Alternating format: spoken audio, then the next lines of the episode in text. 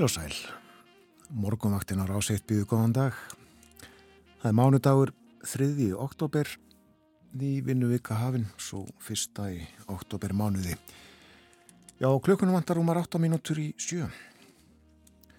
Kolniða myrkur úti og uh, verður eitthvað öllitið áfram, en svo tekum nú að byrta.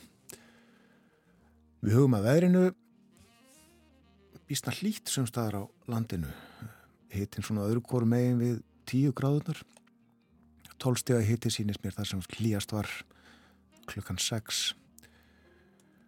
og uh, sömstaðar hægur vindur annar staðar er svona upp undir 10 metrar á sekundu en við förum hringin, byrjum í Reykjavík léttskíðað í hugborginni klukkan 6 6 steg að hitti og 2 metrar á sekundur 7 gráður á Kvanneri og 5 metrar á sekundu þar, suðvestanátt, stikishólmur 7 steg að hitti og 7 metrar skíjaði hólminum, 8 steg að hitti á Patrísfyrði, 5 metrar og 9 steg að hitti í Bólingavík, 6 metrar þar sunnanátt, 6 steg að hitti á Hólmavík, 9 gráður á Blönduósi, 12 steg að hitti við söðunisvita 8 metrar þar sunnan 8 11 steg að hitti á Akureyri og 3 metrar. 8 gráður á Húsavík 2 metrar þar 8 gráður líka á Rauvarhöfn og 4 metrar. 5 steg að hitti á Skeltingstöðum 10 gráður á Eilstöðum léttskíjað 5 metrar á sekundu suðastan 8 10 steg á höfni Hortnafyrði 11 gráður við kvískir, nýju metrar á sekundu þar, nýju steg að hitti á kirkibæðaklaustri, nýju gráðu líka á Stórhauða í Vestmanægum og vindræðin þar sjö metrar á sekundu, sjö steg að hitti í Árnesi, þryggja steg að hitti á Sandbúðum og Sprengisandi á Hálendinu, 15 metrar á sekundu, suðvestanátt fór í 19 í mestu kviðu, fjóra gráður á hverjavöllum og veiðivatnarhaunni en sjöstega hitti á Káranjúkum. Svona viðraði klukkan 6 en þá er það horfur dagsins. Það verður söglag átt í dag 5-13 metrar kvassast á Annesjum og allvíða regning með köplum en síst á Östulandi og Östfjörðum. Og síðdegi skengur í norðaustan og norðanátt 8 til, eh, 8 til 15 með regningu sunnan og vestan til en uh, þessi staði verður upp í norðan og austalands í kvöld og hitti í dag 7-13 stig. Og á morgun norðaustan og norðanátt 8-15 rigning úrkomi lítið þó suðvestan til fram eftir degi og hitti á morgun 6-11 stig. Þetta var um veðrið. Já og uh, skeiti frá vegagerðinni. Og ekki náttúrulega því að Vegurinn frá Sveinseyri að Lokinhamradal er ófær vegna grjóts og skriðuhlöps og fjaran undir skútabjörgum er ófær.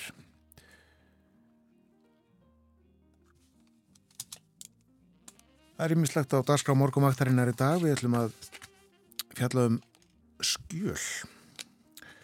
Þísk ríkisskjöl.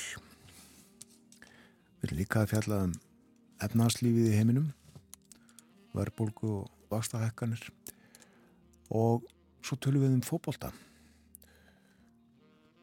býstna fjölbreytt dagstra hjá okkur þennan morgunin förum betur yfir þetta á eftir en uh, hlustum nú á hljóma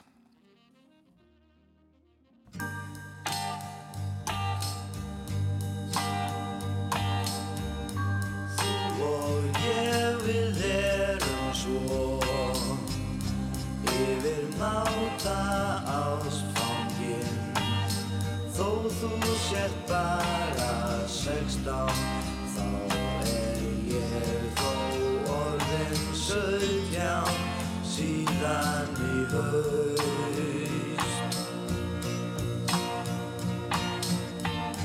Þú og ég vil gætu svo Verðlega gift okkur. Þó að við séum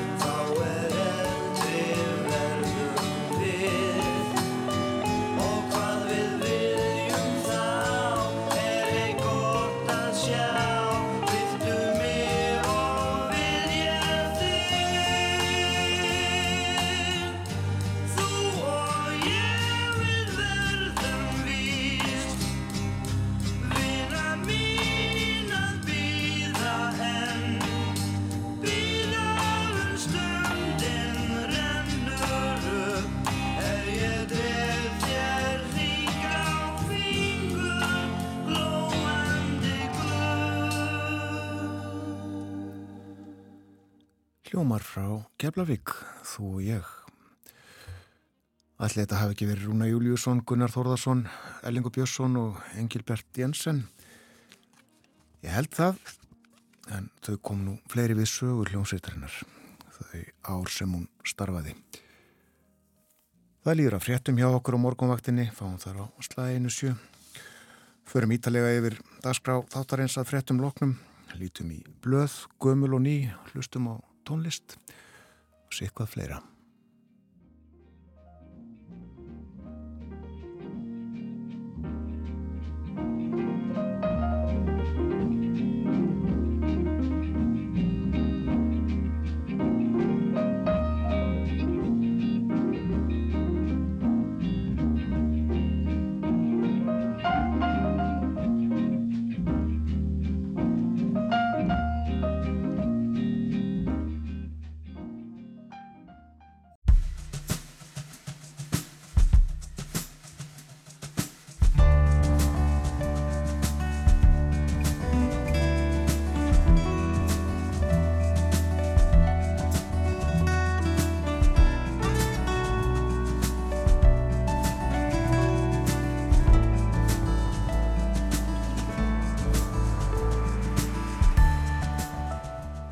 Morgumvaktin helsar og býðu góðan dag.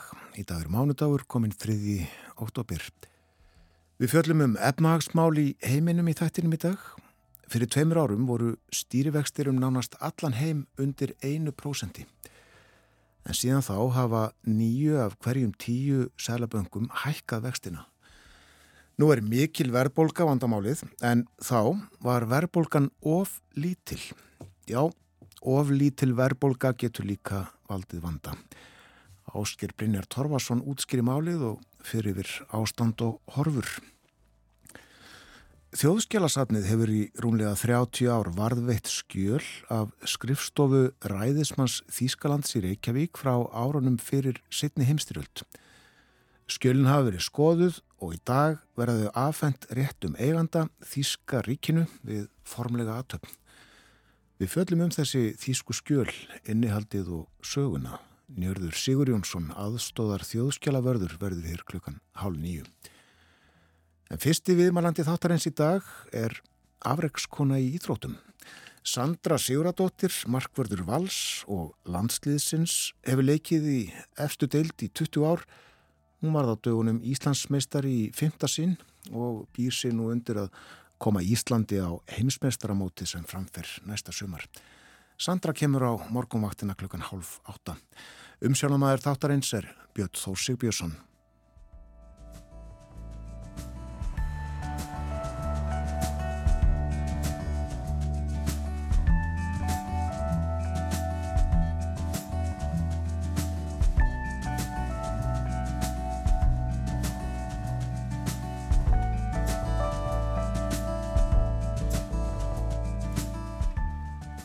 Við hugum að veðurhórum dagsins, það er útlitt fyrir suðlaga átt á landinu með skúrum vestarlands en rigningu suðaustan til.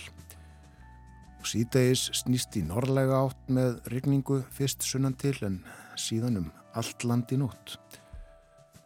Og á morgun er áfram útlitt fyrir norrlega átt og vætu en það stýttir smám saman upp á sunnanverðurlandinu á miðugudag og þá kólnar og úrkoman gæti fallið sem slitta eða snjókoma til fjalla norðan til á fymtudag. Kuldatíðin verður þó ekki laung, segir við fræðingur, þar sem aftur er útlýtt fyrir suðlagar áttir með hlýri loftmassa um næstu helgi. En uh, hitin í dag 7 til 13 stig og uh, verður, uh, sínist mér, um hádegi svo dæmi séu tekinn tíu steg að hitti í Reykjavík, tíu gráðu líka á Húsavík, tíu með Suðuströndinni, tól steg að hitti á Eilstuðum. En talsverð rigning sem sé sumstaðar. Og uh, þá er það blöðin eða blaðið, morgunblaðið kemur út eitt dagblaða á mándagsmórnum og á forsýðu er mynd sem tekjum var í Úkrænu á lögadag í borginni Míkulæf og uh, fjallaðum ástandið í landinu. Og rætt meðal annars við Þórtísi Kolkrúnu er Gilvadóttur utanrikiðsráð þeirra en hún segi spennu vegna stríðsins vera að aukast frekar en hitt og að Ísland muni bæta í stuðning við Úkrænumenn og segir það er full alvara á bakvið það hjá okkur að styðja við Úkrænu eins og kostur er og því verkefni er ekki lokið. Það mun bæta þar í, en það eru þau í raun að berjast á öllum mögulegum vík, víkstöðum. Allt yfir það að reyka samfélagið frá degi til dags. Og um innleimun úkrænsku héræðana fjögura í Rúsland sem að talsvert hefur fjallaðum segir utan ekki sá þeirra við höfum fordæmt innleimunina á sterkasta mögulega hátt gerðum það um leið og við sáum í hvað stemdi og hún segir að, að þessar svo kalluðu atkvaða greiðslur hafa ekki nokkra einustu þýðingu og það séu fyrir neðan allar hellur. Nú það er líka rætt við menningar á þeirran Liljúdögg Alfredsdóttur í morgunblæðinu í dag. Hún segir það stæsta verkefni þjóðarinnar að ebla íslenska tungu. Ef þjóðin hætti að tala íslensku, mingi samkeppnishæfni Íslendinga auk þessum gríðaleg vermaði glatist. Ferðamenn eru að koma hérna út af sérstakri náttúru og sérstakri menningu. Við erum komin í alþjóðlegt hagkerfi og við getum verið mjög stolt af því en við þurfum að varveita menningu okkar af því að hún er aðdráttaraflið. Og uh, fleira fjalla hér um tíðni netglæpa sem eldri borgarar verða fyrir. Nú er aukist verulega á undanförnum árum. Fjórir eldri borgarar á Íslandi hafa tapað yfir 60 miljónum króna í svika millum af þessu tægi. Hæsta fjárhæðin nefnur tæpum 90 miljónum. Og einn af þessum einstaklingum tapaði fjárhæðinni á innan við tveimur mánuðin. Það rætti við Jökul Gíslason, rannsóknarlauruglumannu þetta á fórsíðu morgunblæðisins í dag, um fjöllunum þetta inni í blæðinu. En uh, hann rætti þessi máli mitt hér í þættinu fyrir nokkrum. Og að lokum að forsýðu morgunblaðsins Björgunarfélag Vestmanæja tókum helgina við Þór nýju Björgunarskipi. Smíðaði Finnlandi kostaði 285 miljónir, ríkið greiti helming en stuðnings er leitað fyrir hinnum hlutanum. Það er rætt hér við Guðna Grímsson, hann er formadur Björgunabátasjóðs Vesmanega og hann segir fjármögnun skipakaupa hafi verið erfiða og hann gaggrínir sjáarútvegin sérstaklega, svo mikið sem hann eigi undir. Þetta gerist á sama tíma og vermæti sjáarafurða skilar útgerðafyrirtækjum gróða upp á 10 ef ekki 100 miljardar króna. Okkur hefur reynst erfitt að sækja peninga til þeirra, segir Guðni Grímsson í Vesmanegi. Þetta var það helsta á fórsýðu morgunblæsins. Það er líka vakin aðtikli á uh, frétt sem að byrtist á vef stjórnaráðsins í gær. Þannig er að fósættisáðanettið hefur tekið saman yfirlitt yfir fluttning embættismanna milli embætta á árabilinu 2009 til 2022. Það hefur nokkuð verið fjallaðum þetta að undanförnu. Þingnemt tekið málið fyrir. Og í frétt fósættisráðunetti sem segir helstu niðurstöður samantaktarinnar eru þær að í 80% tilfella hafi verið skipað í embætti í kjölfar auglýsingar Ef flutningar embættismanna sem gerðir voru í tengslu við breytingar á skipulagi stofnana eða ráðunetta eru ekki taldi með þegar hlutfall skipana í kjölfar auðlisinga upp í rúm 90%. Og þessi samantækt nær til 334 embættisskipana og af þeim voru 267 gerðar í kjölfar auðlisinga en í 67 tilfellum var embættismadur fluttur í annað embætti og það ímist á grundvelli fluttningsheimildar í lögum um réttindi og skildur starfsmanna ríkisins eða sérstakra lagaheimilda. Og í 39 tilfellum af 67 þar sem ennbættismadur var fluttur í annað ennbætti var það gert í tengslu við breytingar á skipula í stopnana eða ráðunita. Og uh, ítalegri greining á vef stjórnaráðsins stjórnaráð.is eða stjórnaráðið.is líklega.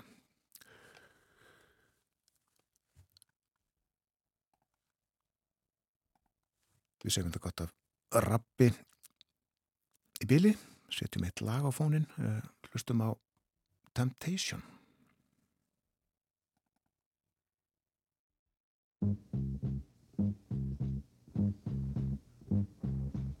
What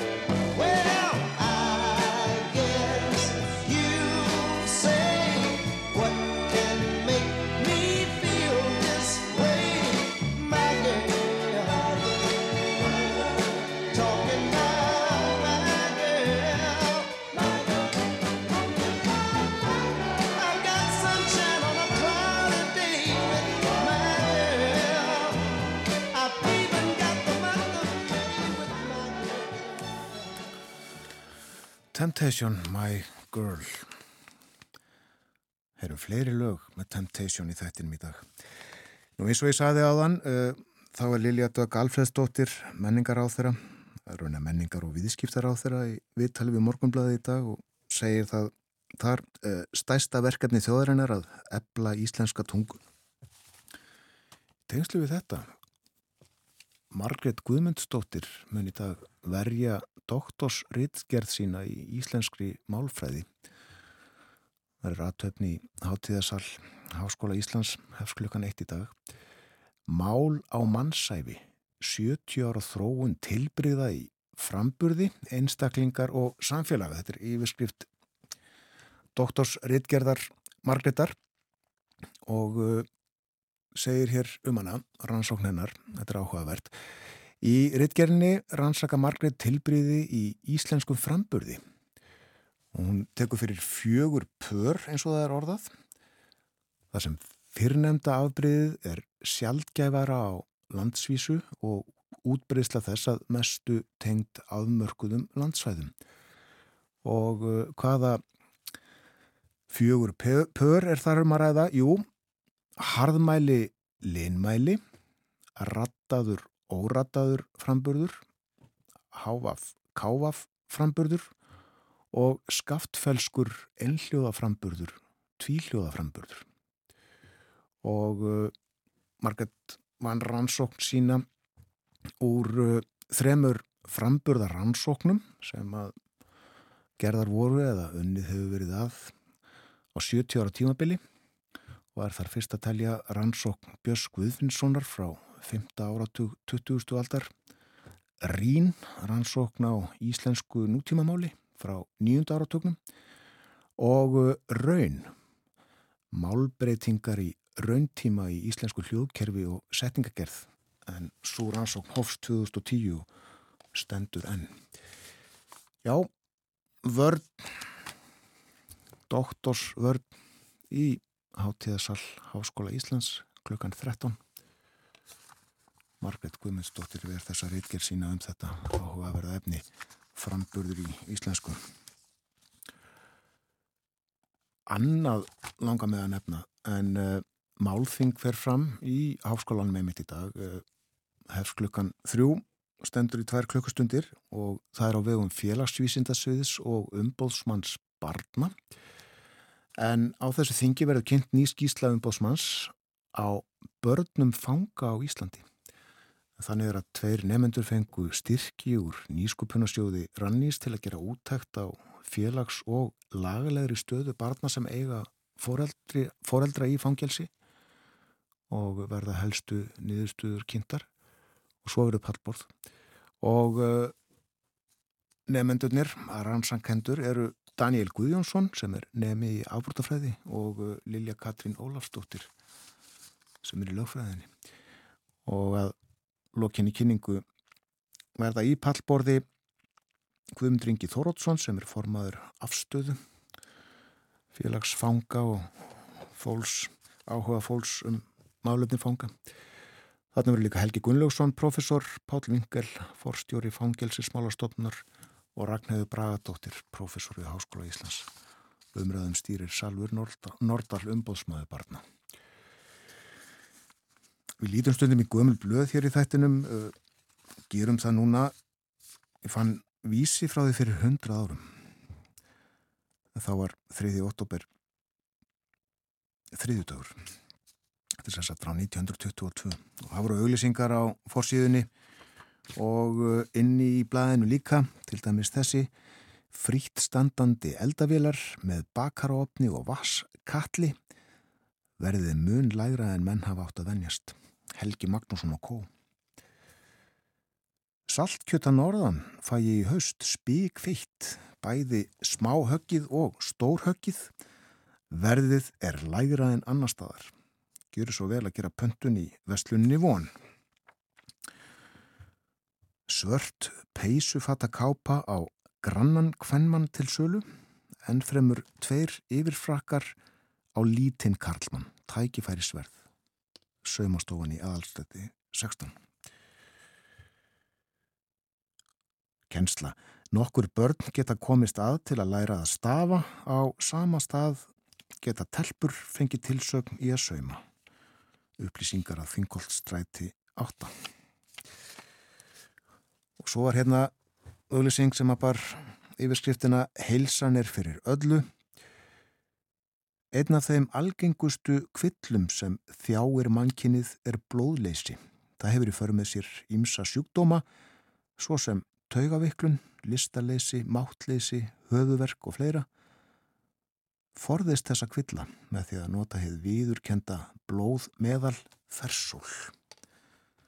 Það er dökk rauðbrún vökvi sem fæst í lögavegs apoteki og flestum öðrum apotekum hér á landi.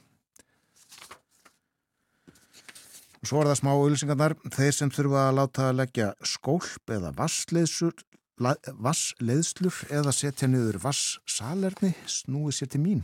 Kristvin Þórðarsson, Jálskötu 41.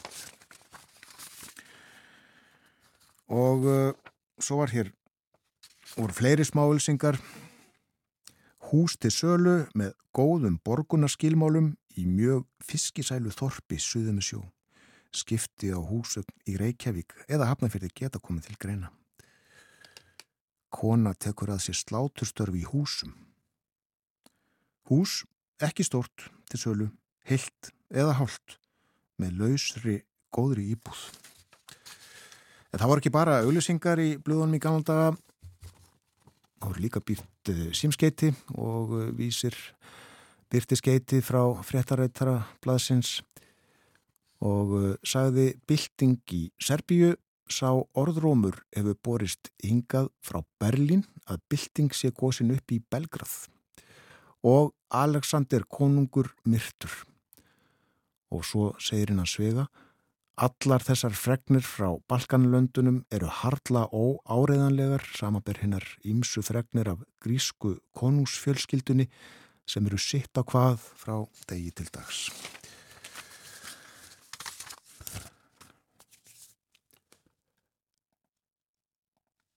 En meiri tónlist, þennan morgunin leikum við lögum með hljómsveitinni Temptation eða Söngsveitinni, Fristingunni. Sveitin var til 1960 þegar helstu liðsmenn tveggja söngflokka í Detroit saminuðu krafta sína og til var það sem að stundum er kallað supergrúpa. The Temptation laði ekki aðeins áherslu á söng, heldur líka á framkomu og snirtilegan klænað.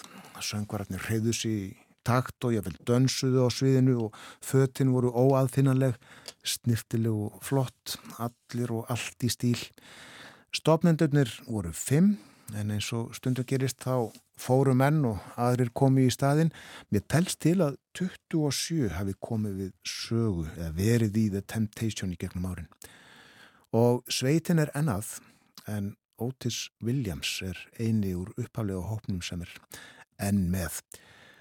Og smellirnir frá Temptation eru margir, við leikum My Girl á þann, en heyrum nú Get Ready.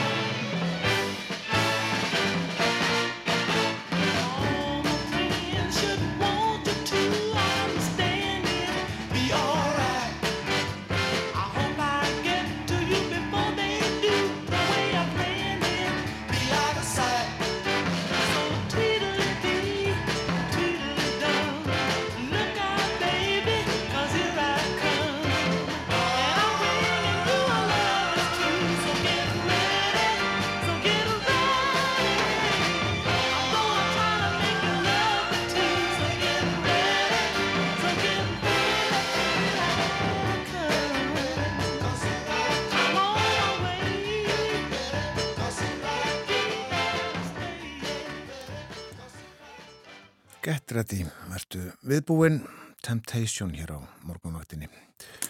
Anna lagið sem við heyrum með þeirri sveit þennan morgunin og uh, kannski við heyrum fleiri á eftir. Það er kjördama vika hjá þingmönnum. Engir þingfundir þessa vikuna, nýja nefndafundir. Nei, þingmennir heima í kjördamönnum og uh, hitta þar kjósendur. Við erum að gera fara á fundi hjá þingmennum sínum, ræða við á málinn. En uh, það er annars helst að frétta úr pólitíkinni í heiminum að það þarf að kjósa á ný til ennbættis forsetta Brasilju. Það þarf sem sagt að efna til annarar umferðar. Hvorugur uh, þeirra frambjöðenda sem helst voru taldir líklegir til þess að hljóta ennbættið fengu helming atkvæða. Þeir Bolsonaro sitjandi fósetti eða Lula fyrirverandi fósetti. Því var ég eppel spáð að uh, Lula gæti farið með sigur af hólmi í fyrirumferðinni en svo fór ekki. Munurinn á þeim uh, minni heldur en búistar við og uh, Lula fekk ekki 50% atkvæðan. Það var því að kjósa aftur og það verður gert í lokmánaðar 30. oktober. Og í tengslum við þetta, stjórnmál í heiminum, efnaðasmál í heiminum verða til umfylgnar hér á morgunvaktinni eftir morgun 13. klukkan 8. Við ætlum að tala um uh, ástandið almennt og uh, sérstaklega í Breitlandi, líka í Greiklandi, Áskeprinjar Torfason verður með okkur. En eftir smá stund þá verður gestur þáttarinn Sandra Siguradóttir knaspinu markverður vals og landsliðsins. En fréttaefliti kemur eftir smá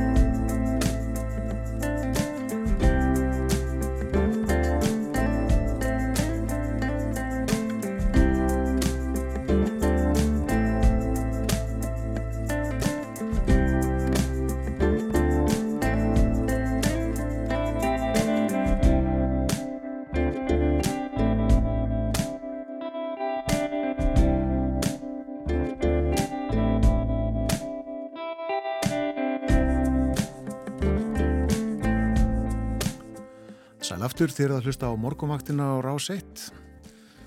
Mánudagur í dag komið 3. oktober og kluk klukkan réttliðilega hálf átta. Og það er ímislegt framöndan í þættinum. Ég nefndi það hér fyrir fréttaði litið áðan að eftir morgun fréttir klukkan átta þá verður áskiprinjar Torfason sérfræðingur í fjármálum með okkur. Við ætlum að tala um efnaðas ástandið í heiminum. Það er slæmt. Förum uh, sérstaklega yfir stöðumála í Breitlandi, líka í Greiklandi, hann er þar stattur og tölum um aðgerðir Sælabanka, vaksta hækkanir um allan heim og skuldir ríkisjóða sem að vaksa nú mjög.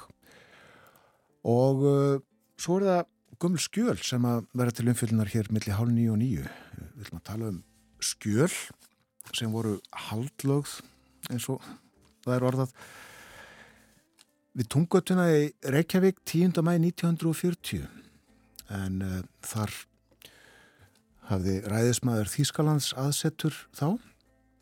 Það var skilað þessum skjölum í dag til þjóðverja.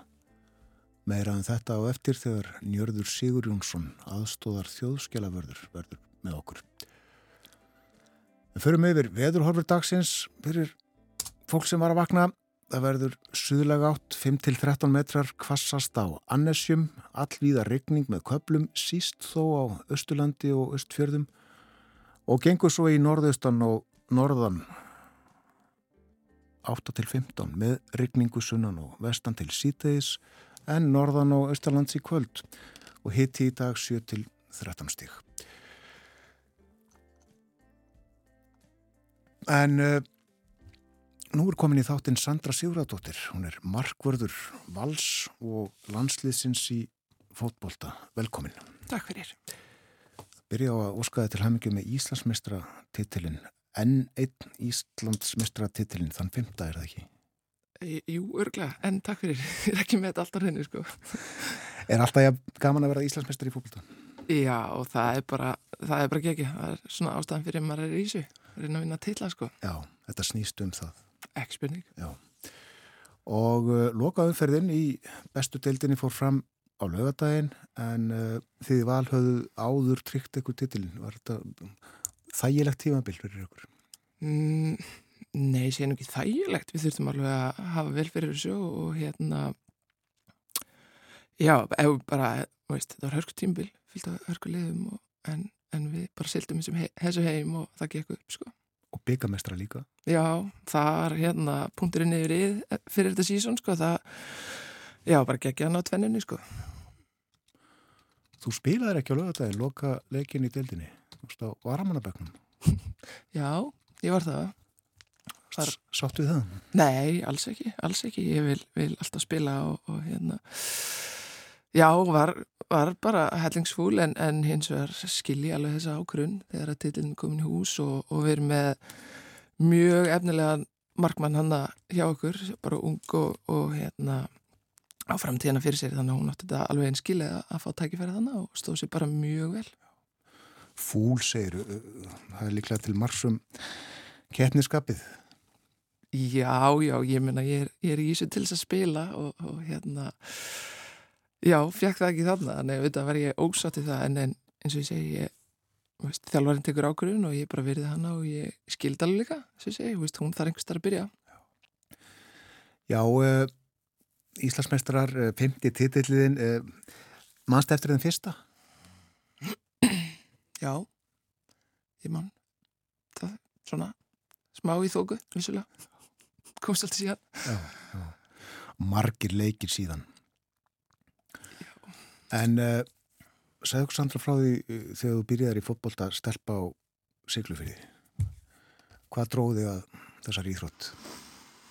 Mm, sko ég held að hafa verið bara fólk fóru, eða krakkar fóru í fótbolta það var ekki eitt úr einhverjum tíu greinum að velja þarna Siglufjörði sko.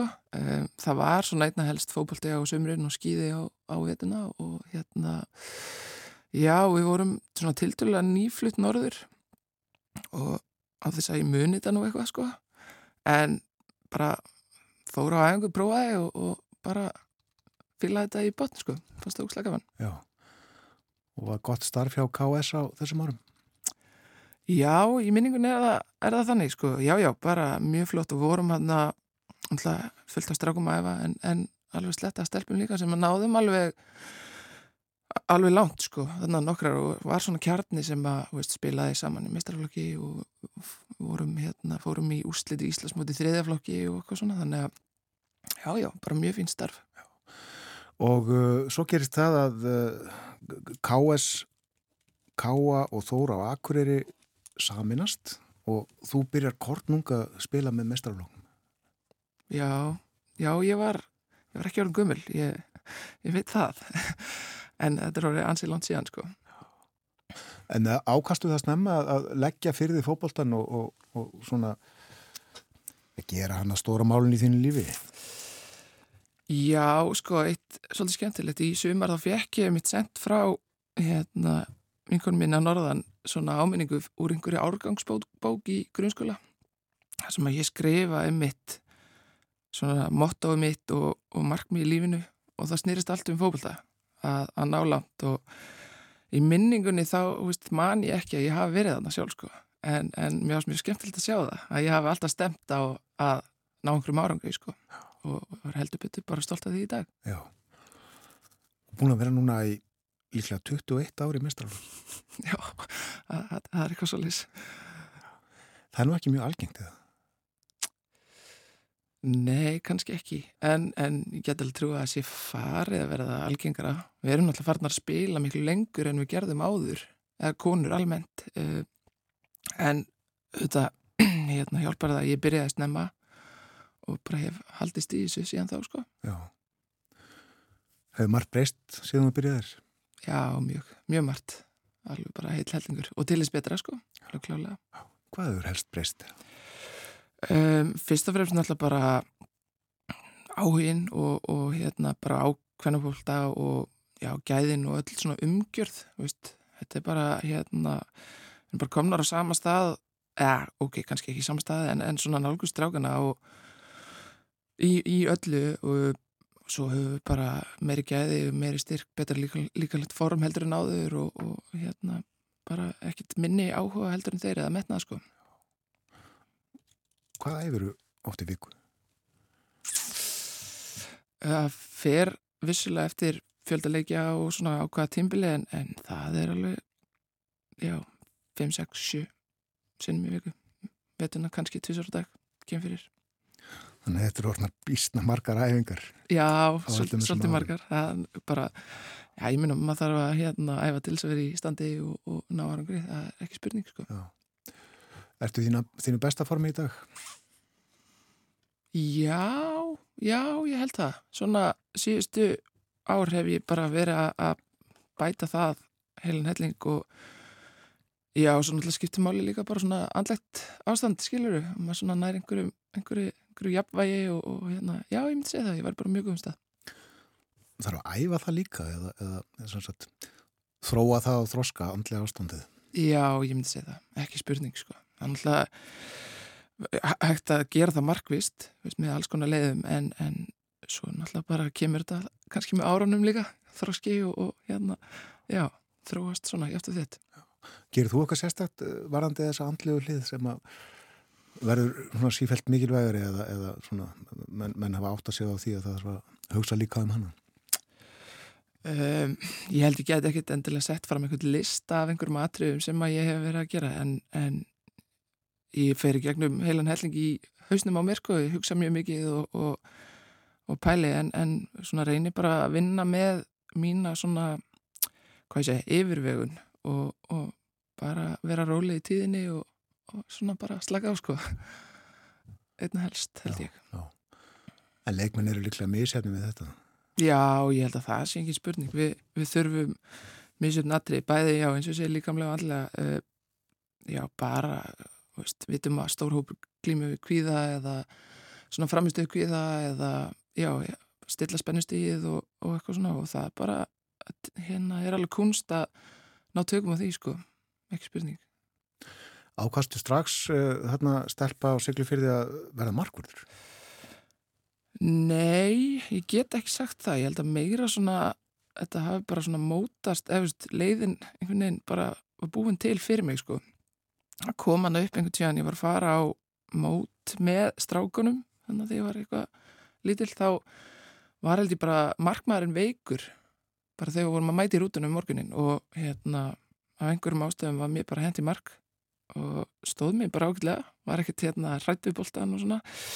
Uh, svo hætti ég nú eitthvað í marki og ég var á miðjunni var ágætt held ég sko svo þegar fórum á Stóruvöll þá svona láða eða bara beinast við að ég færi í marka sem ég væri stæst og einmitt ekki rætti boltan og svo bara í framhaldinu er ég valin á einhverju úrtaksæfingar í landsliðinu og, og einhvern veginn bara held þetta áfram sko, mér fannst þetta gaman Svona gerist þetta. já, Ég hef hér talað um að, að, sko, það sé stundur svolítið innmann að vera markvörður. Markmenn sko æfa stundum sér meðan útileikmennir eru allir saman í reytabolta eða hvað það heitir og þá eru markmennir tveir einhver staðar að skjóta hvern annan eða, eða með kannski einum þjálfara og svo er þetta svona svolítið sérstök staða á vellinu.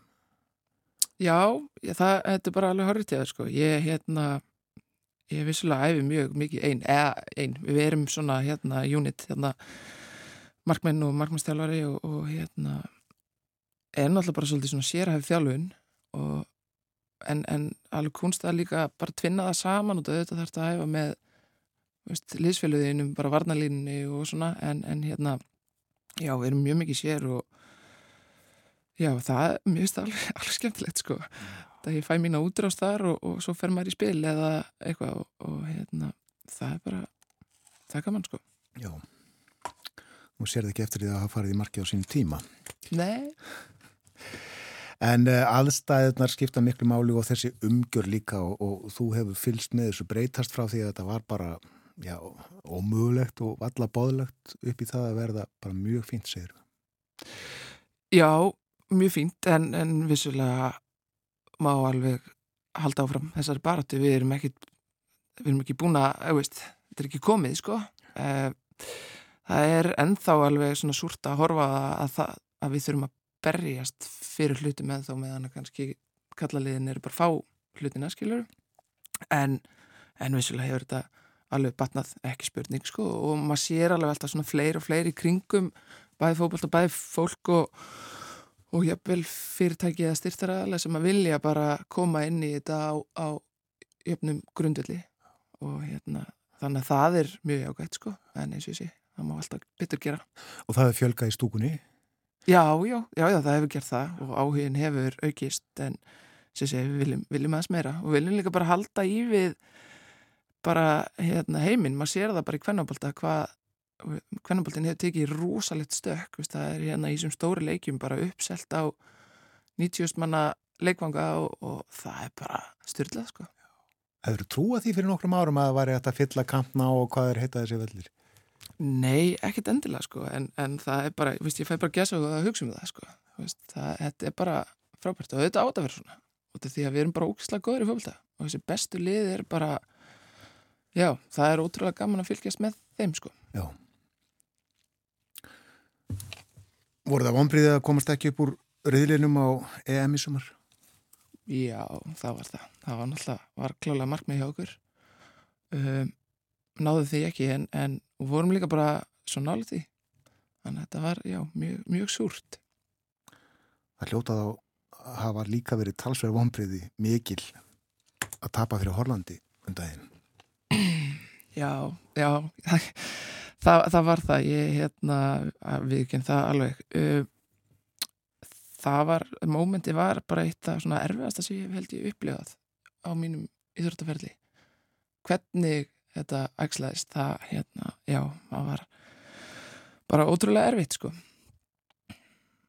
Og þá hafið þú spilað alveg hend ótrúlega vel.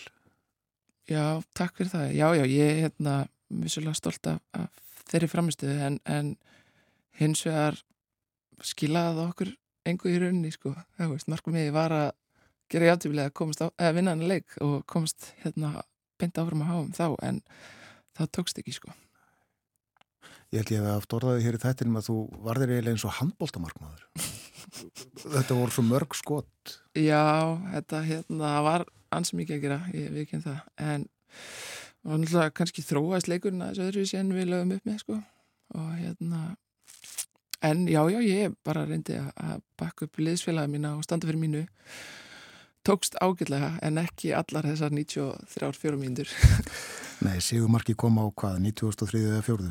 Já, einhver stað þannig að voru einhverja einu hálf mínúti eftir eða eitthvað þannig að þetta var svolítið ansið mikið súrt Var þetta algjörlega óerendi, þetta mark? Já, eða veist já Það er Mér, mér er sagt það, ég Jú, langar jú, að heyra jú. bara hvað þér finnst. Já, já, ég er alveg búin að horfa á þetta veist, að ég veit ekki, ég er kannski biluð, ég veit ekki, mér finnst ég alltaf eiga að verja allt, ég set þá kröfu á mig sko uh, hins vegar náttúrulega bara er mómenti erfitt út því að maður er að býða eftir hvort einhver náist nertingu eða ekki. Boltin er góður inn í teg sko. Og svo ef ég hefði farið á eftir honum þá er hann samt að lenda í hliðanettinu sko. Þannig að ég held að ég hefði örgulega þurft að eiga eina vöslum lífsmýns til þess að ná honum sko. Hefði þurft að taka bara sénsinn og það hefði ekki lítið vel út ef einhver hefði séns nertan sko. Og því að í mómentinu að hugsa ég bara glóti sér með hann, glóti sér með hann. En svo bara fór þetta svona og það er bara eins og gengur gerist Draumur um, um að komast á HM í Ástralíu og Nýja Sjálfandi næsta sömur er ekki úti. Það er leiku framöndan. Já. Eh, Þið vitið ekki hver verður andstæðingur ykkar í næstu viku. Það ræðist á fimmtudaginn held ég. Þá mætast Portugal og Belgia og sigurvegarinn úr þeim leik verður andstæðingur Íslands í leik í Brussel á þriðudaginn næstu viku. Hvernig svona líður þið gagvart þessu? bara vel sko, ég er hérna bara spennt fyrir þessu. Uh, maður er eiginlega í rauninni bara búin að býja eftir þessum leik síðan að hinn kláraðist og, og við vissum að þetta færi svona. Þannig að hérna, já, eins og segi ég get bara ekki beð eftir að, að hitta lið ferðumst á morgun og, og hérna, náma að efa vel og ég held að við séum bara allar á, á sumblasi og við ætlum að klára þetta verkefni og ætlum að koma okkur að háum þannig að ég bara laka, ég laka mjög til. Já, það er eh, rétt hún vika í leik en uh, þið leggja að stað til Belgíu á morgun. Nei, við fyrir til Portugal á morgun og hérna æfum þar, við bara góðar aðstæðar, hópurum kemur saman bara annarkvöld, algarfi einhverstaðar og hérna, já, bara á, á, í smá hitta og, og við góðar aðstæðar og náum að hérna slípa okkur saman og undirbú okkur bara fyrir það sem er framöndan sko, eins og sé, við veitum ekki alveg hvað það verður en, en bara tæklum það. Já, já. Uh, Þorstein Haldursson, þjálfari, sagði um daginn að það var svo skrítið að vita ekki sko hver andstæðingurinn verður. Uh, finnst þér það óþægilegt? Uh, nei, nei, eða veist, ég reynir bara í, ég get ekki stjórnaði og við undirbúum okkur bara fyrir bæði lið uh, og svo náttúrulega bara hérna slípum við það þegar að niðurstaða er komin en, en eins og þessi, nei, nei, það er bara það er bara spendi. Góða ferð út, uh, gangi eitthvað vel. Takk hjálpa fyrir það. Við fylgjumst með þér heima, þú veist að því. Já, já, já, við finnum alveg klálega fyrir því. Þakka er fyrir að koma hinga á morgunvaktina Sandra Sigurðardóttir. Uh, í dag uh, framöndan bara vinna þú ert sjúkraþjálfari. Já, ég er bara hérna skjólstæðingur eftir rúman hálftíma, Já, bara áfram gakk. ertu aðlega að hjálpa íþróttamönnum eða bara alls Nei. konar? bara hérna alls konar, bara, já, Já. bara alls konar fleiði ég hef ekkert hérna svona sérhæft mig neitt og er bara svona hans að móta mig Aftur takk fyrir komuna. Ég uh, valdi hérna valslæði til þess að leika fyrir þig og aðra stuðnismenn vals. Takk fyrir það að lokna þessu spjalli.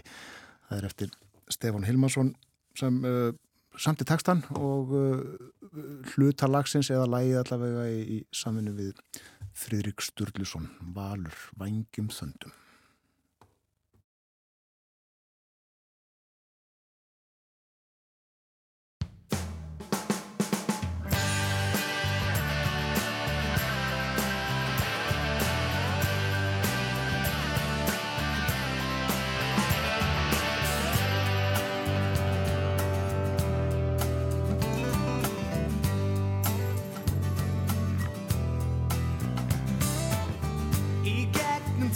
Tröstir menn.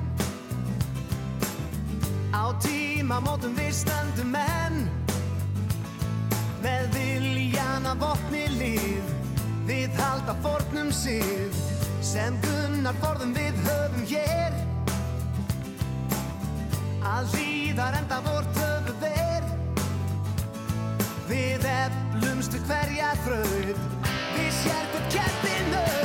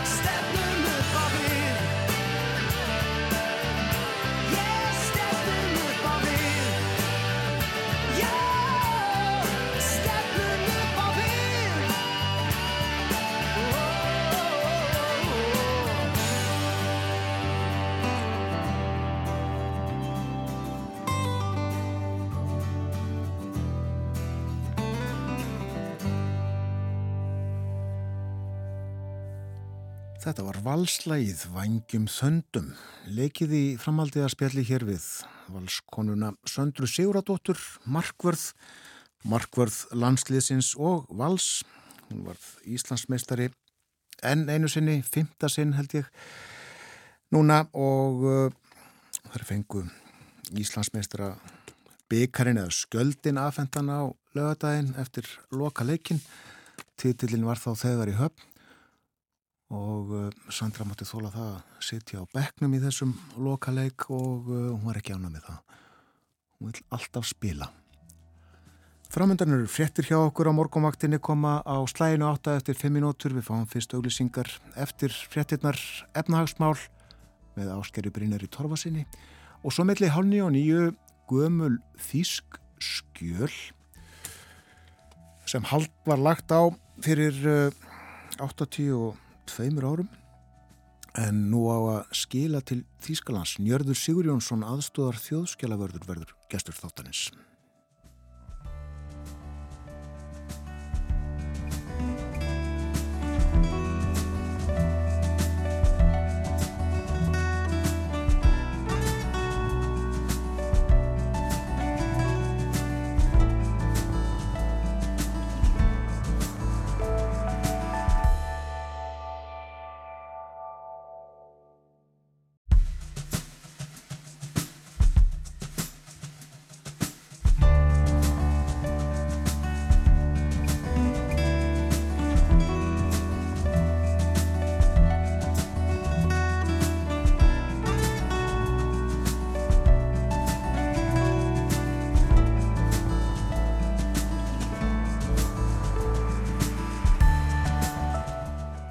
Aftur, þetta er morgunvaktin á Rás 1, klukkan farin að ganga nýju, það er mánudagur í dag, komin 3. oktober. Gestur þáttarins áðan Sandra Siguradóttir, markvörður vals og landsliðsins í fótbolta. Við töluðum um ímislegt, sumarið í sumar sem var býstna gott hjá val, það eruðu bæði Íslands og byggarmestarar. Við töluðum um ástæður þess að hún byrjaði í fótbolta, stelpa á Siglufyrði og um landsliðið auðvitað. En uh, liðileikur leik á þriðu daginn í næstu viku gegn annarkvort Portugal eða Belgíu. Sigurverðin kemst á HM næsta sumar. Og á uh, meðan við Sandra spjöldluðum þá tilkynnti eins og við herðum í fréttunum hér áðan Elin Metta Jensen félagi hennar í val og landsliðinu hún er hætt í fókbalta og í gæri var sagt frá því að uh, Áskerðu Stefania Baldustóttir í val hefði líka ákveðið að hætta. Segjum þetta gott af íþróttum í byli á morgunvaktinni þennan morgunin ég uh, minni á að uh, Njörður Sigur Jónsson aðstóðar þjóðskjalavörður verður gestur þáttarins upp úr hálf nýju. Við ætlum að tala um uh, skjöl, þýsk ríkisskjöl sem voru Tekinn af ræðismanni Þýskalands þegar Ísland var hernumið í mæ 1940 en það var skilaðum til Þýskalands í dag formlega aðtöfn, meira en þetta á eftir. En uh, nú ætlum við hins vegar að fjalla um efnaðasmáli í heiminum. Við erum komin samband við Ásker Brynjar Torfarsson, sérfræðing í fjármálum sem að þessu sinni er stattur á í Gríklandi. Hill og sæl, góðan dag. Komið sæl, góðan daginn.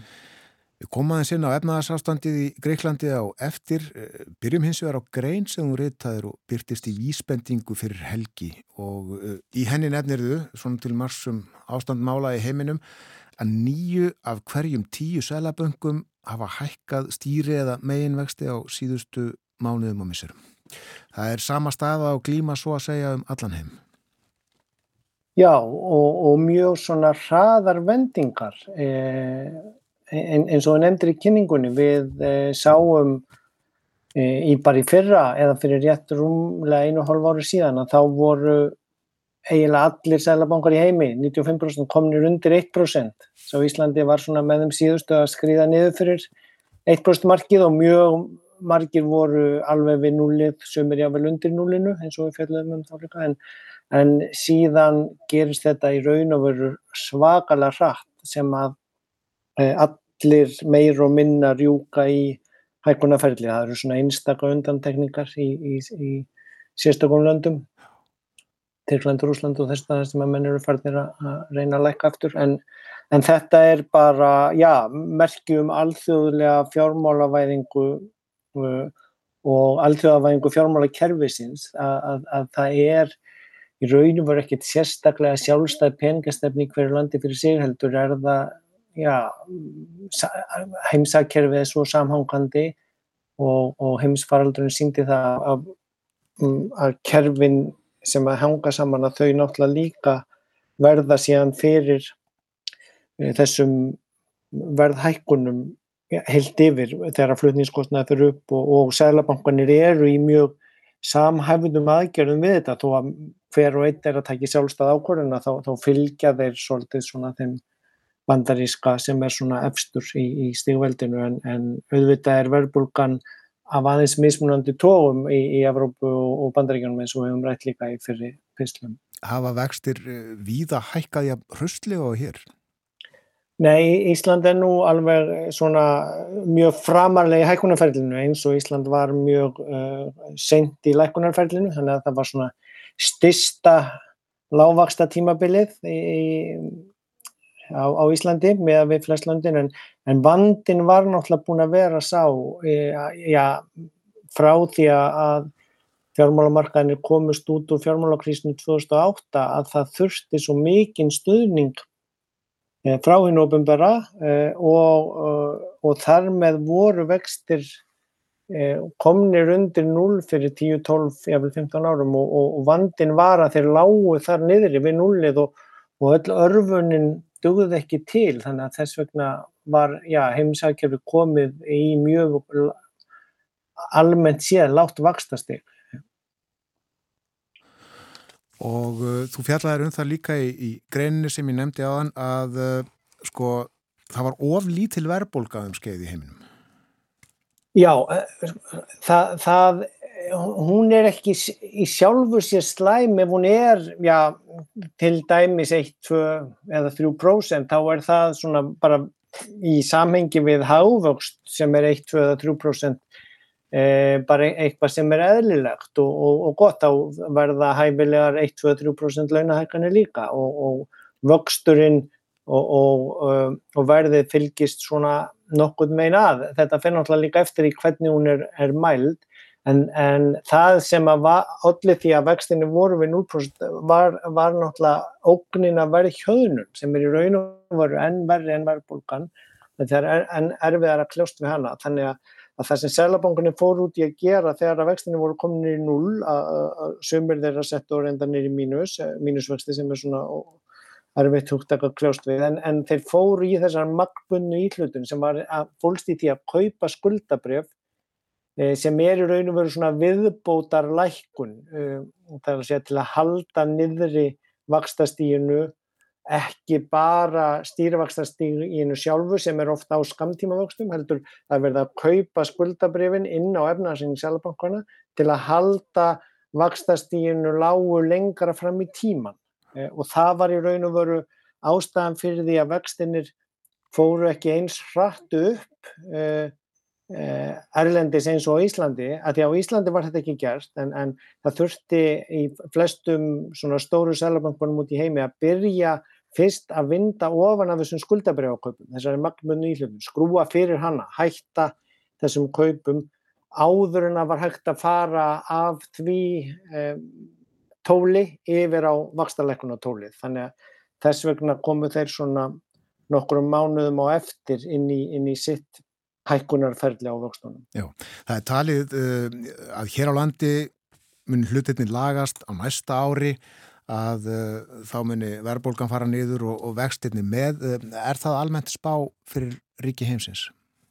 Um, já, sko þetta er nú svona uh, svo sjálfverka spá sem kemur út úr líkununum að því þau leita í alltaf í leikni í svona að það náist markmið 2% eftir 1-2 ár. Eh, Ég eh, er nú ekki vissum að það sé kannski endilega raunhæft en eh, óvissan er svo mikil þannig að það getur bæði gerst hraðar eða hægar.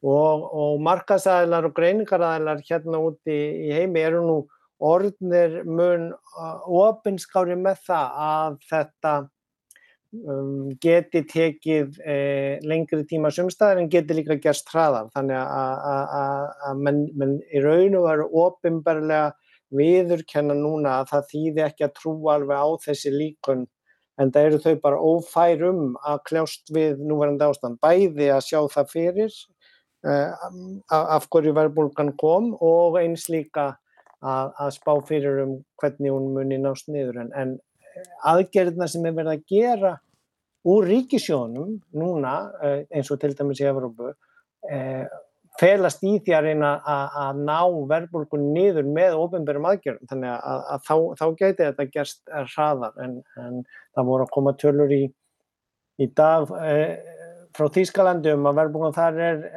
í september í, tíu, yfir 10%, 10,9% þannig að að það er, það er hansi margt að gerast og hratt til þess að hún verði komið niður í 2% markmiði á næsta ári eða þar næsta. Þannig að ég- held nú að flesti búist við erfiðu næsta ári.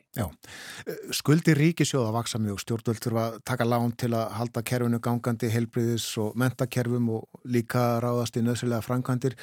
Skattekjurna dög ekki. Er almennt stopna til langtíma skulda sem að komandi kynsluður þurfa svo að borga upp?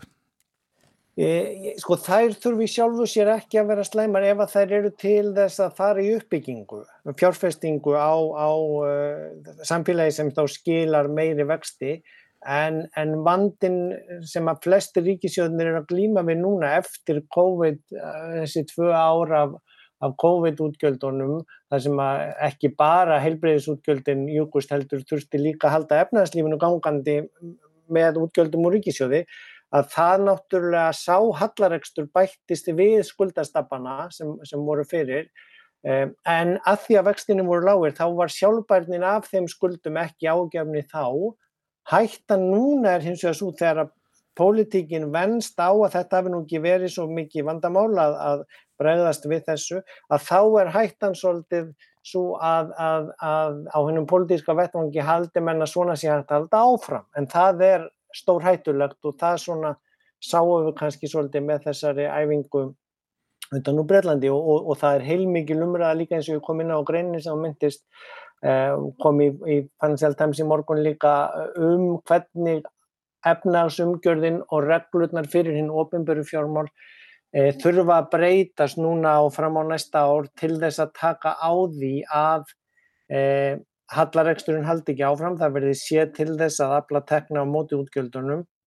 Án þess þannig þó að mistökin frá því 2010-2012 verði endurtekin sem fólust í því að það var skorið niður fjárfestingin eh, að því það er svona einfaldasta leiðin fyrir eh, stjórnmálavettvangin að skera niður útgjöldin eh, að, því það skilar verra samfélagi og meiri samdrætti, til, til framtíðar ef að það er skorið niður og, og hratt. Þannig að, að það þarf svona að endur hugsa þessa umgjörð og það er mjög mikil umræði gangi um það hérna úti. Já, þú nefndi Bretland förum þangað, Bretar hafi ekki segið svartaraði efnaðasmálum í áratvíi. Nei, þetta uh, er náttúrulega, já, svona sambland af ymsu slæmu sem kemur á, á, og, og síðan í raun og veru algjöru brjálæði sem var kynnt hana fyrir tíu dögum en þau virðast nú vera bakka með núna, fórstæðisráðurinn og fjármálaráðurinn.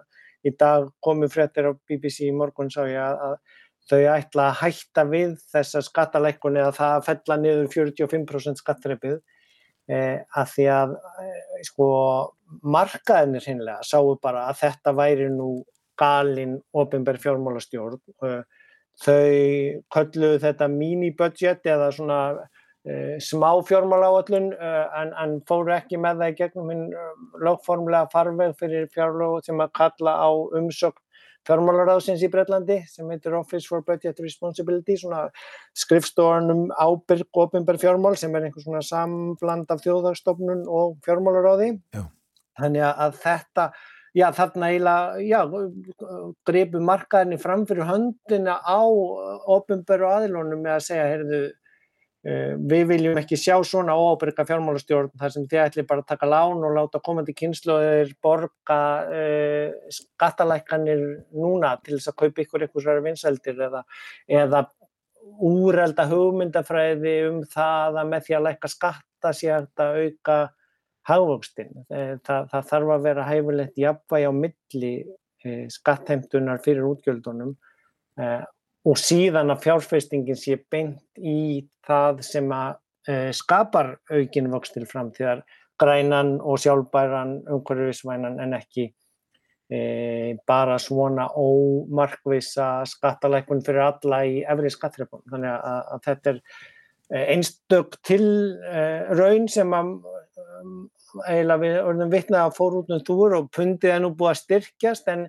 en vandin er samt sem áður enda mjög mikill í Breitlandi því að e, gildin, þessi sérstöku ríkiskuldabrif sem að allir markaðsælar bara vildur losa sig við í kvelli út af þessari óábyrgu fjármálastjórn, að þau hrundi verðu og þurfti raun að vera að fara á svona neyðar hérna fara í, í, í svona neyðar aðstóð Breska Sælabankans, Englandsbanka og, og eru, eru þar ennþá. Þannig að þeir þurftu raun og vera að fara í það að kaupa skuldabref eins og allir Sælabanka voru búin að vera að reyna að hætta í, í, fyrir á þessu ári eins og ég var útskýr í byrjun til þess að geta byrjað að hækka vextina að þarna þurfti já, Breski Sælabanki sem er að reyna að draga úr verbulgunni og hækka vextina samhliða því sem að hann var þar að stíða á bremsuna þurfti hann að gefa á, í botna bensinnið og kaupa fullt af breskum ríkiskuldabrifum út af þessum óábyrgu aðgerðum úr fjármálaráðundinu. Þannig að þetta er svona skólabókar dæmi reiknaði með sem fer inn í sögubækunar um svona hvernig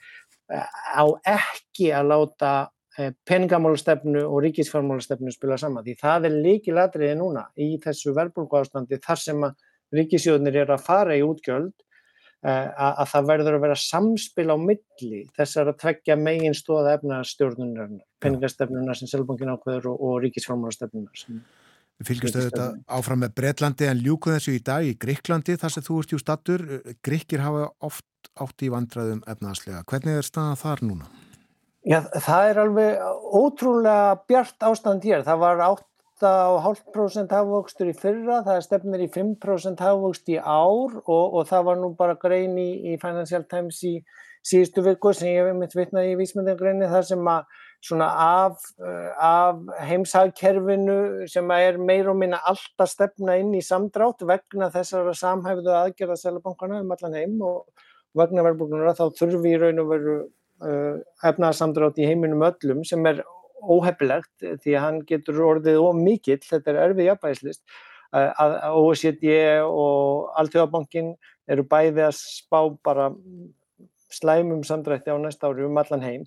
En þá var Financial Times með lista yfir svona sjö bjartarvonir og, og tvær, tvær þeirra voru í Evrópu, það var annars vegar Portugal það sem er líka ágættis ástand og síðan Greikland meðan að já, Breitland er náttúrulega alveg í, í mjög vondumál en líka Þískaland er með mikla verbulgu og samdrátt vegna orkukrísunar og strísins og er að fara í mjög mikil útgjöld 200 miljardar evra útgjöld ríkisjónsins þar sem er miklu minna vandamál fyrir þjóðverðarna heldur en breytana því það vilja allir kaupa ennþá þýskuríki skuldabrjöf en, en hérna eins og við fjöldum um fyrir nokkrum vikum að, að þá var Greikland komið út úr neðraðstóð Evropasambandsins og Alþjóða Gjaldarsjónsins og, og hér er bara mjög mikil erlend fjárfesting í gangi sem er sko ekki eins og menn hafa stundum miskilið á Íslandi held ég að kalla það erlenda fjárfestingu þegar erlendir aðeinar koma á kaup einhverju reiknir sko heldur hér er Eh, hér er uppbygging, eh, það er til dæmis gammal fljóvöllur eh, hérna í Aþennu, miðborg Aþennu við sjón sem var laður af í kringum ólimpíuleikana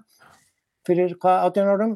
Hér, þar er sprett uppbyggingakrannar og er mjög mikil fjárfesting eh, og ekki bara í ferðamanniðinanum, líki tekniðinaði og, og fleira náttúrulega mikil uppsöfli í ferðamanniðinanum en, en uppbygging á grísku eh, hagkerfi er, er að taka mjög hratt við sér núna að hluta til náttúrulega því að það stöðvæðist mjög mikið og full lengi af því að það þurfti ómikið neðuskurð og, og fjárfesting var stöðuð en núna streyma já, ymsir erlendir fjárfestar hingað og vilja fjárfest og byggja upp og það náttúrulega spilar að hluta til inn í held ég orkukrísu ástandið og, og kuldin norðar í Evrópunni því hér er 31 steg að hitti í dag þó að það sé komin oktober tímið til komin ef við fáum uh, góðar í ákvæðar frettir af efnaðasmálum í Greiklandi? Já, það er mjög skemmtilegt að sjá þetta og, og, og það er nú svona gott að muna það í þessum erfiðu óvissu tímum að, að hagsveiflan er alltaf þannig að hún sveiflast upp og niður þannig að, að það er gott að muna að það er í uppsveiflu og það varir ekki endalaust en, en, en það er líka gott að vita að þó það komið samdráttur og þurfa stífa á bremsuna þá eh, er það nú bara tímabundi og svo byrtir til. Já, það vakst ákveðinu dagur hjá Sælabankanum á miðugudaginn. Býst þú við hækkun? Ég er nú að vona að þeir fara aðeins að hægja á sér því að, að eins, og, eins og ég segi þessari grein sko að það er hætta á þegar allir eru að hækka fjármannskostnæðin og draga úr og reyna að búa til í raun og veru samdrátt og búa til verðbólgu þegar það er líka, nefn búa til hérna atvinnuleysi þegar það er líka skortur á vinnuafli. Það er hægt á í þessum jafnvægis að, aðgerðum að það verði já, stíð og fast niður og þá verði afleggingarnar of slæmar þannig að við sjáum vaks, vakstastíð sem er í Evrópu og selaböngunum hérna í kringum Ísland að það er markvallt lægra heldur en Íslandi komið upp í. Ísland er einhverjum, einhverjum vakstatölum í samanburði við bara söður Ameríku og, og já, við, við viljum ekki vera að tellja okkur til einhverja þrónulanda heldur, við ættum held ég að reyna að huga að því að peningastefnun okkar sé meira samræmi við Evrópu og fjármakskostnaðin og umhverfið í kringum okkur en ekki að vera að reyna að búa til of mikið hávaksta umhverfi. Því að það er eðlegt að, að, að vextir séu Eh, raunvexti séu neikvæðir eða, kringur nullið eftir svona mikil áföll eins og, og heimsfaraldurinn því það er svona til að komast út úr því. E, dýrst annars þegar að fjármáskostnærin fyrir hefur ofinbæra ríkur upp eftir svona mikið áfall. Þannig að Takk ég vonaði að við komumst ekki, ekki lengra ásker það er komið að auglýsingum hjá okkur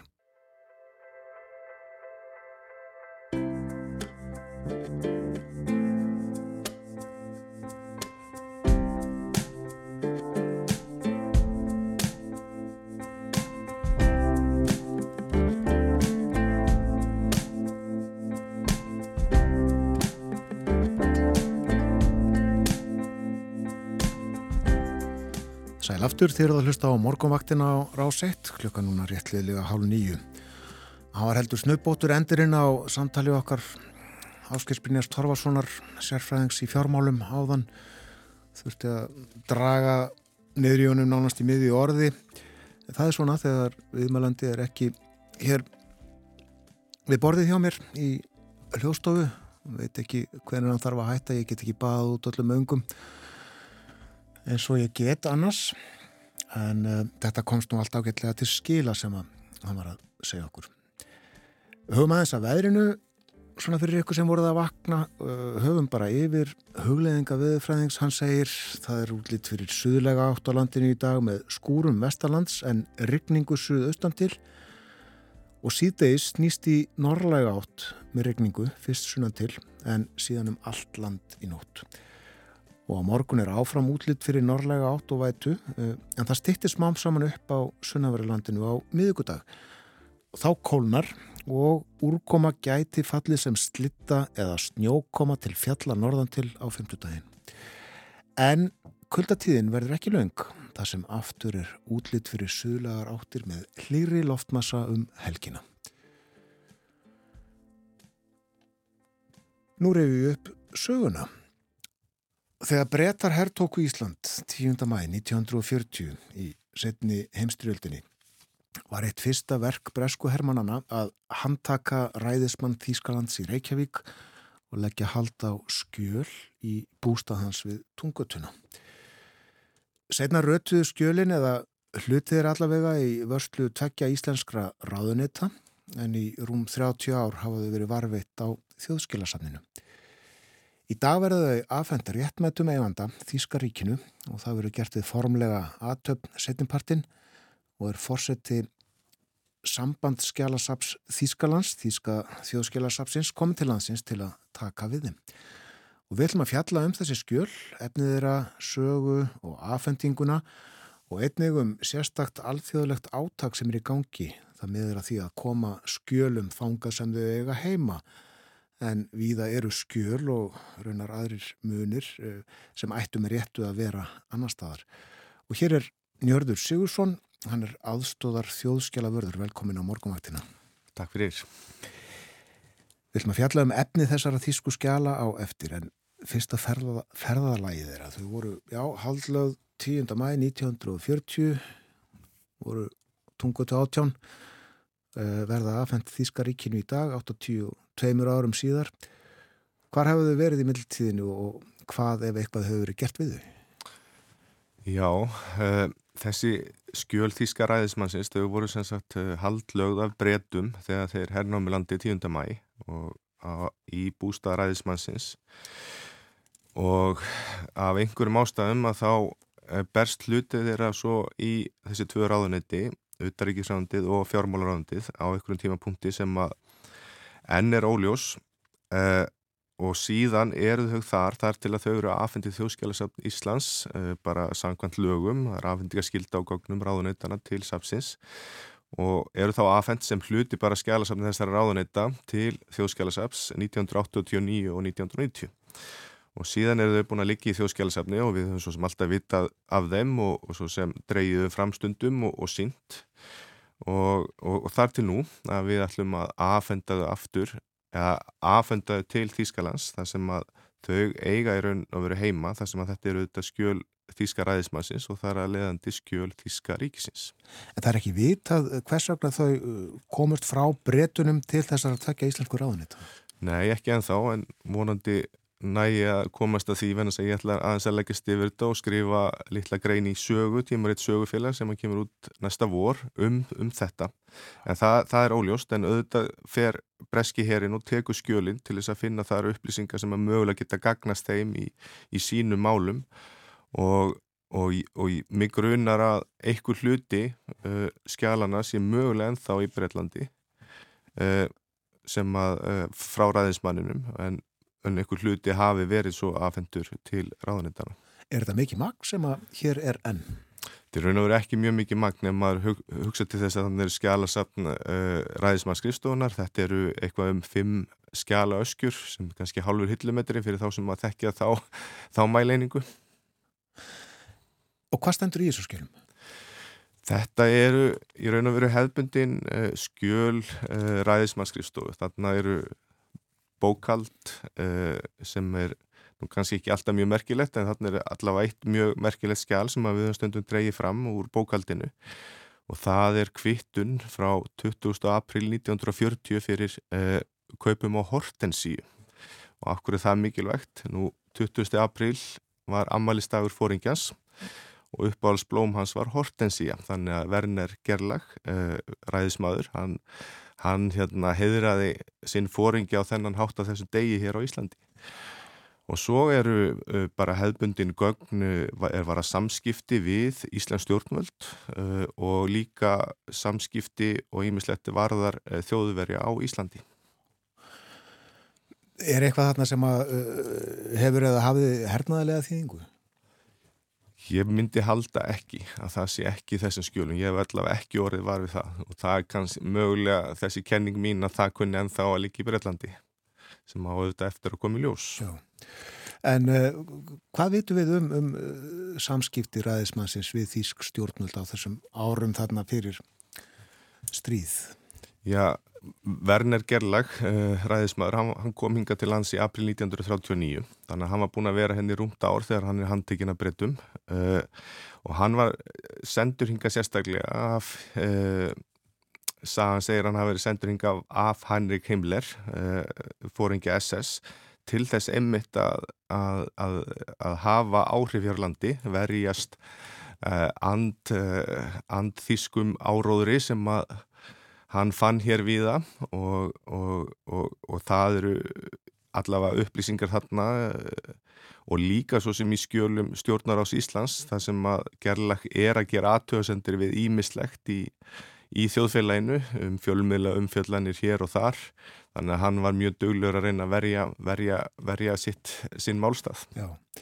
Við höfum auðvitað mestan áhuga af því sem er að gerast þarna kringu stríðið upphaf þess og, og í aðdragandanum en það eru þarna skjöl frá hvað 1927? Já, 1927 er eldstu skjölinn og, og svo sem frammi yfir styrjöldina en, en þau skjöl uh, í raun og veru sko ná skjölinn til 1940 svo eru nokkuð skjöl sem eru, eru hérna frá uh, hvað 1946, 7, 8 en það eru tryggingar upplýsingar er varðar sko eignir ræðismanns í Íslandi sem var auðvitað voru gerðar upptækar á sínum tíma en þá er Þíska ríkið að reyna að sækja eftir styrjöldina eitthvað tryggingabætu fyrir þessum eignu sem þið mistu. Mm, Manstu hverju þær voru? Húsið eða hvað? Já, það er húsið aðalega held ég sko. En uh, nú er verðt að rifja upp að, að áður en brettar gengu á land hér og hann tóku Þíska ræðismannin, þá er líklegt, mjög líklegt að hann hafi kveikt í einhverjum skjölum og gögnum eða ekki? Já, e, það var reyndar akkurat þannig að þegar breski herin kemur þarna að og það er það fyrsta sem ég gerir þegar þið stíga hér á land, það er að fara að, e, að tungu dátjón þar sem ræðismadurinn hafiði aðsettur og þegar þeir koma að þá finnaði brunalikt og, og þá er verið að brenna eitthvað skjöl í baðkarinn á, á heimilinu þannig að og, og, maður getur ímyndað sér að þar hafi verið, verið að eigða viðkvæmum upplýsingum við getum orðað þannig. Skjölum verða afhengt í dag eh, við formlega aðtöfn og, og þýski þjóðskjölavörðurinn kom til hansins en uh, skjölinn er ekki farin, það er ju bara frum, frumritin, þau verða byrt á vef þjóðskjölarsafsins í dag, ekki sett? Jú, við erum sem sagt búin að skanna öll skjölinn og gerum það með auðvitað heimild uh, þýska þjóðskjölarsafsins og munum byrta það á vefsapsins í dag. Þannig að þau verða þar aðgengileg öllum sem að vilja skoða og við munum líka láta Þíska þjóðskjálasafni fá afrit að húnur afrænu afritum og þeir hafi higgju líka þau hafi higgju líka að byrta á sínum vef. Og ég raun að verðum að segja sko að þó að þarna séum að ræða Þískjöl að þá var þetta sögu begja þjóðana þannig að þarna eru upplýsingar í skjálasafninu um uh, stjórnsýslu Þíska ríkisins fyrir uh, stríð en líka samskipti við Ís Íslendinga og Íslands stjórnvöld þannig að þetta er svona sameilu menningar að við getum orðað þannig og þess vegna viljum við líka byrja þetta á okkar vef. Já. Heldur að þessi skjöl geti gagnast einhverjum við rannsóknir? Alveg, alveg 100% og ég er reynda þegar búin að fá símtal frá doktorsnema í Þískalandi sem er mikið áhuga á þessum þannig að það er alveg, alveg örugt held ég. Já, þú nefndir að uh, mögulega væri eitthvað enn í fórum breyta, ætlar að reyna í fyrsta lega að komast að því og í öðru lega að fá þá þau skjöl afhend? Já, ég ætla allavega að reyna að koma staði hvernig í þessu líkur en það er kannski ekki okkar að, að, að reyna að fá skjöl annara þjóða afhengt uh, til annara þjóða uh, en, en en það er auðvitað viða í heiminum og sérstaklega eftir svona stríðsátök það sem að skjála svo far á flakk. Uh, skjöl uh, eru flutt uh, til annara landa og nýlega dæmi eru til dæmis að skjöl frá Írak voru flutt til bandaríkjana eftir Írakstríðið 2003 og það er bara tvö ár síðan að bandarækjumenn ákvöða að aðfenda aftur skjöl bath uh, flokksins, stjórnmáluflokks Saddam Hussein aftur, aftur hérna til Íraks. Þannig að þetta er mjög algengt og víða er ennþá verið að vinna í málum þar sem að skjöl hafa ekki rata aftur á sín réttastað eftir síðara heimsturöldina þó að sé svona langt síðan hún var. Já. Af hverju þessi aðfending núna? Uh, ég spyr, uh, vildu, vildu þjóðurinni fá þetta? Báður um það?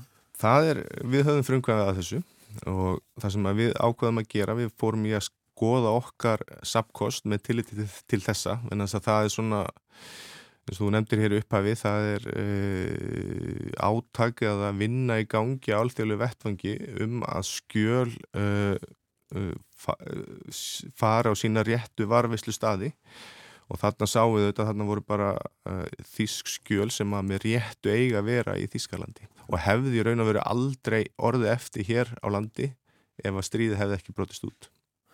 Þetta er auðvitað uh, mjög einstakt uh, Ísland er, er hernumið og, og þessi skjöl tekin úr Þískasendröðin er einhver fleiri dæmi um svipað hér hjá okkur. Eru hér skjöl sem að aðrar þjóðir eiga?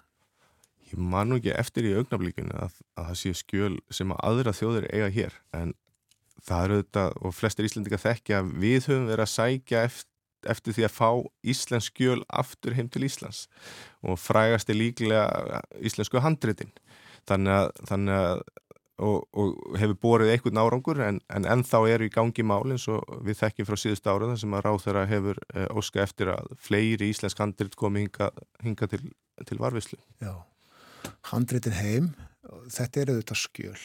Já, handrit eru skjöl. Já, og uh, mikið um það, uh, bæði sem vitað er um og eins kannski eitthvað sem ekki er vitað um, um að, að sagt skjöl séu í Rungulandi, við getum orðað það svo, það, borust, brotist út stríð og landamæri hafa fæst til og, og uh, svo þetta voru uh, ríki og þjóðir undir öðrum.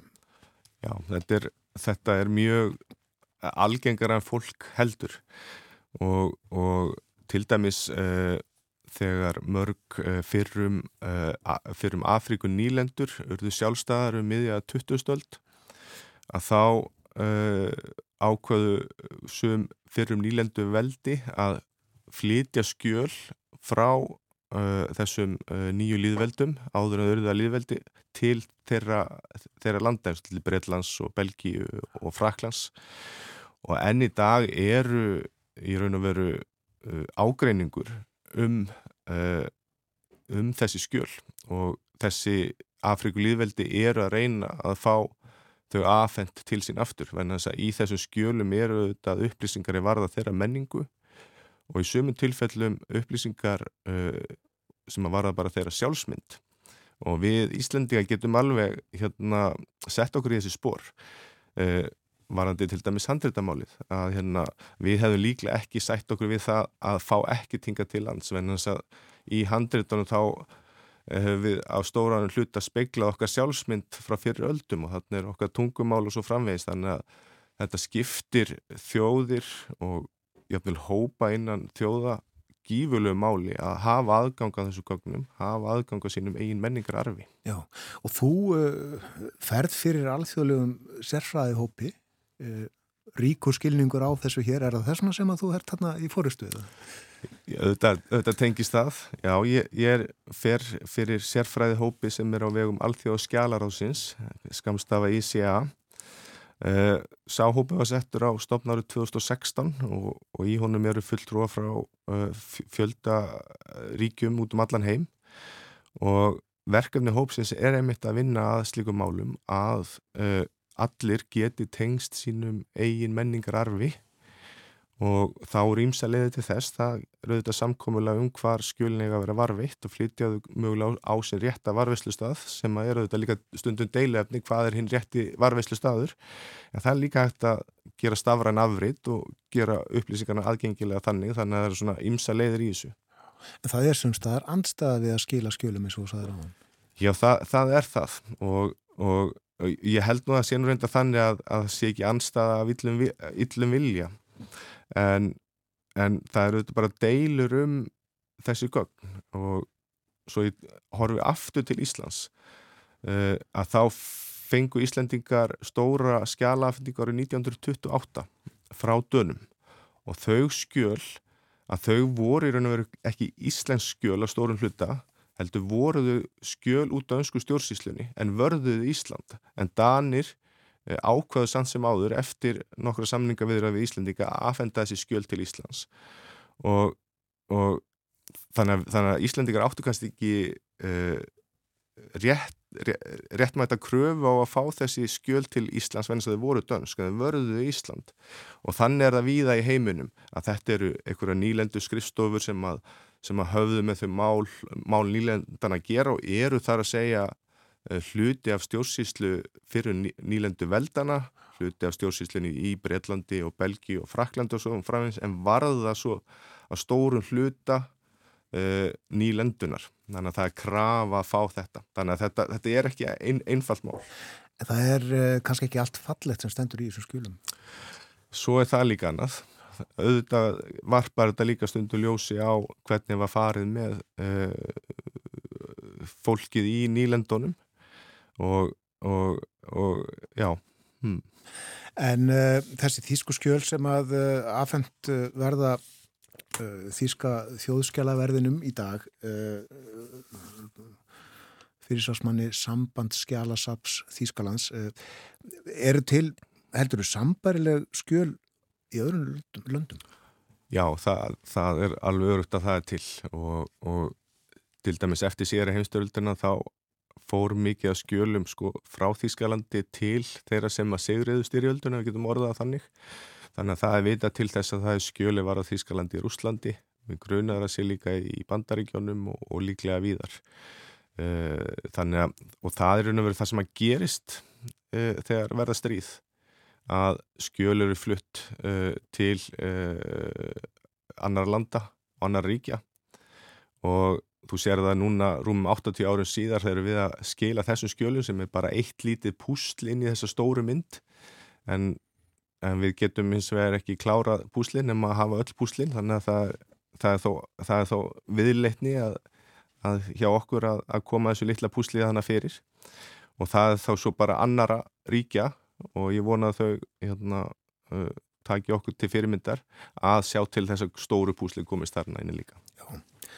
Skjölunum skilaði í dag en uh, þú hefur ekki kvart þau, uh, þú saði söguð þeirra hér í stuttumáli en allar að, að leggjast betur yfir þetta að skrifa heila grein. Jú, jú, það, það er vetraverkefnið í, í vetur. Já, þakka fyrir að koma að byrja daginn hér með okkur á morgunvaktin Njörður Sigursson, aðstóðar þjóðskjala vörður. Takk fyrir.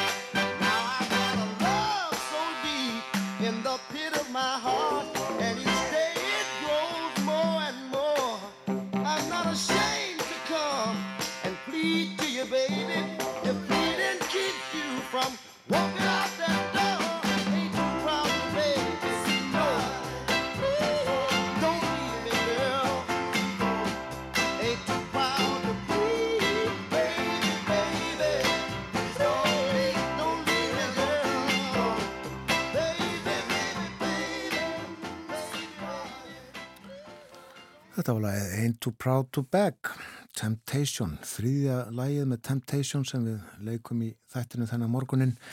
En við hlustuðum líka á Hljóma og Stefán Hilmarsson. Stefán Hilmarsson söng valslægið Vangjum Þöndum og uh, tilhefnið auðvitað að Sandra Siguradóttir markvörður vals í fótbolta og landsliðsins var gestur þátturins. Hér í morgun við töluðum um fótbolta.